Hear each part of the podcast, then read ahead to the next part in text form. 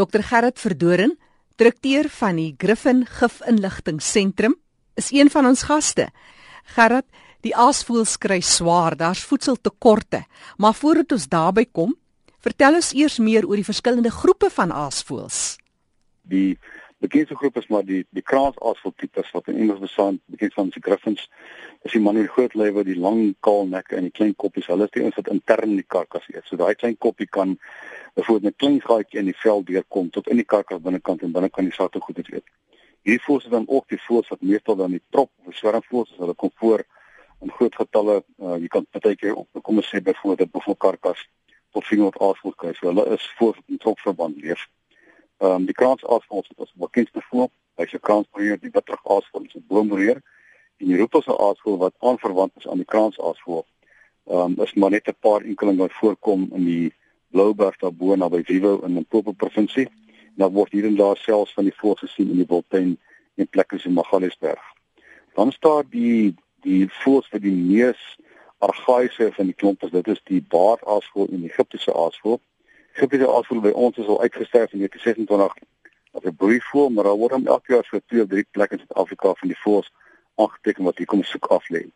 Die baardaasvoël is 'n baie unieke voël. Hulle is die ouens wat bekend staan as beenbrekers.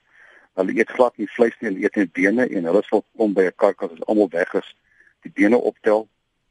Dan hierdie bene wat val van 'n hoë hoogte af op 'n klipplaat, die bene kan breek en kleiner eetbare stukke en dan hier stukke bene verorber. Hulle woon net in die Drakensberg op die stadium en plekke is die Malute van hulle self. Hulle is baie streng gebonde aan baie hoë berge en bo baie hoë kraanse.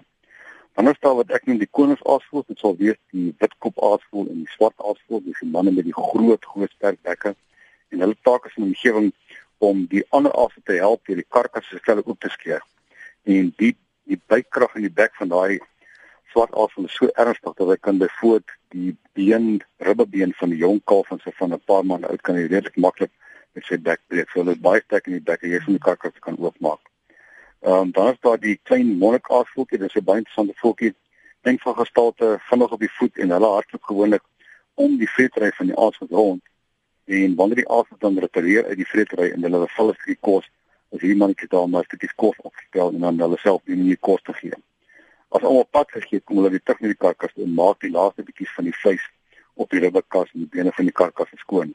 En die laaste ou dan wat ehm um, eintlik maar net in die kusgebied voorkom is die sogenaamde wit aasvoël en Engels bekend as die palmer falcon. Hierdie is 'n omnivoor.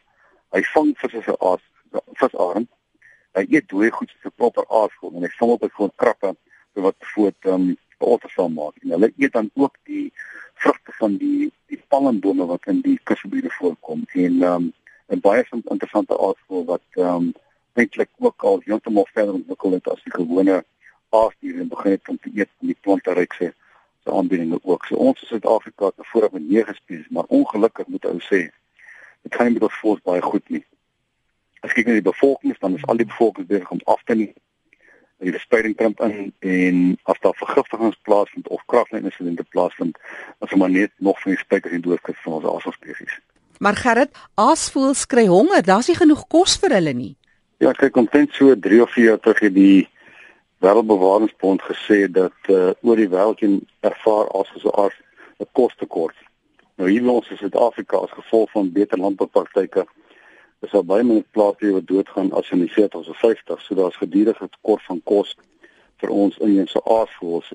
Veral die tyd van die jaar wanneer die jong witter aas op sonder gebiede af pad gaan waar uitgevoer is, kom op probleme want hierdie voëls raak desperaat vir kos.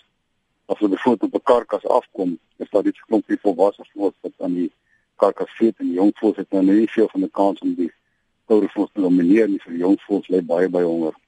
En dan kom die oerinstinkte na vore waar hierdie instink van roofdier in plaas van aasdier na vore kom en dan begin die aas 'n bietjie stout raak en dan val tog baie keer hier en daar 'n lewendige koei of 'n lewendige ooi aan wat besig om geboorte te gee. En dan is die god behoorlik gaar want jy moenie ander boere se skaap of beeste vat nie. Maar gelukkig die boere het altyd 'n plan om te maak. So ons het nie werklik waar 'n probleem met van dit fenomeen wat voorkom die tyd van jaar veral in die Oos-Kaap en tydplek in die Kalahari dan ook So dis eintlik 'n mite dat aasvoëls sal sommer diere self doodmaak. Hulle is nie roofdiere nie, hulle is aasdiere.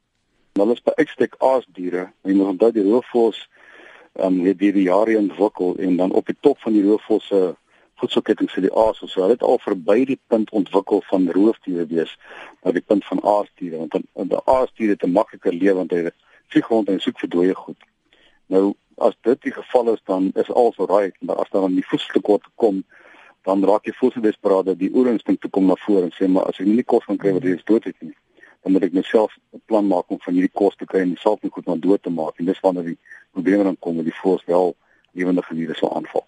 Nou hier in Suid-Afrika en jy verwys nou na die Oos-Kaap, dit is op die oomblik hierdie probleem, maar dit is hopelik net van tydelike aard en daar's ook voorsorgmaatreëls in plek wat julle dan ook saam met die boere van stapel kan stuur. Vertel ons meer oor hierdie inisiatiewe die afgelope 20 jaar dat ek, ek betrokke by so ek dink omtrent 5 of 6 gevalle gewees waar in die Oos-Kaap waar hierdie gebeur. Maar ek moet sê die boere se kop is baie oop en al wat hulle maak, hulle bel en vra vir inligting wat hulle doen. Ons probeer die boere oortuig in die in die landbou unie verband of die distrikslandbou unie verband om 'n goeie plek te soek wat vir die voëls geskik kan wees vir 'n voerplek of die sogenaamde paasrestaurant. En dan kyk ons 'n plekkie van so 30 by 50 meter in oppervlakte wat skoon is, wat netjies is en as 'n boom in die omgewing nog 'n bietjie beter dan die voort reg om te kon sit voor sy afkom te eet in 'n karkas en dan moet al die boere in die omgewing hulle dooie diere in die plek doen. Dit kan wees skaap, bees, bok, boerbok, wolfsbok, perd, donkie, enige ding wat eetbaar is vir die voors. Die word op hierdie plek uitgesit. Die karkasse se velle word gesny sodat die voors wel kan inkom deur die vel om daai vleis te benut. En op dië manier kom die voors baie vinnig agter. Hier 'n lekker bron van dooie kos. En dan gaan die voors op daai plek fokus.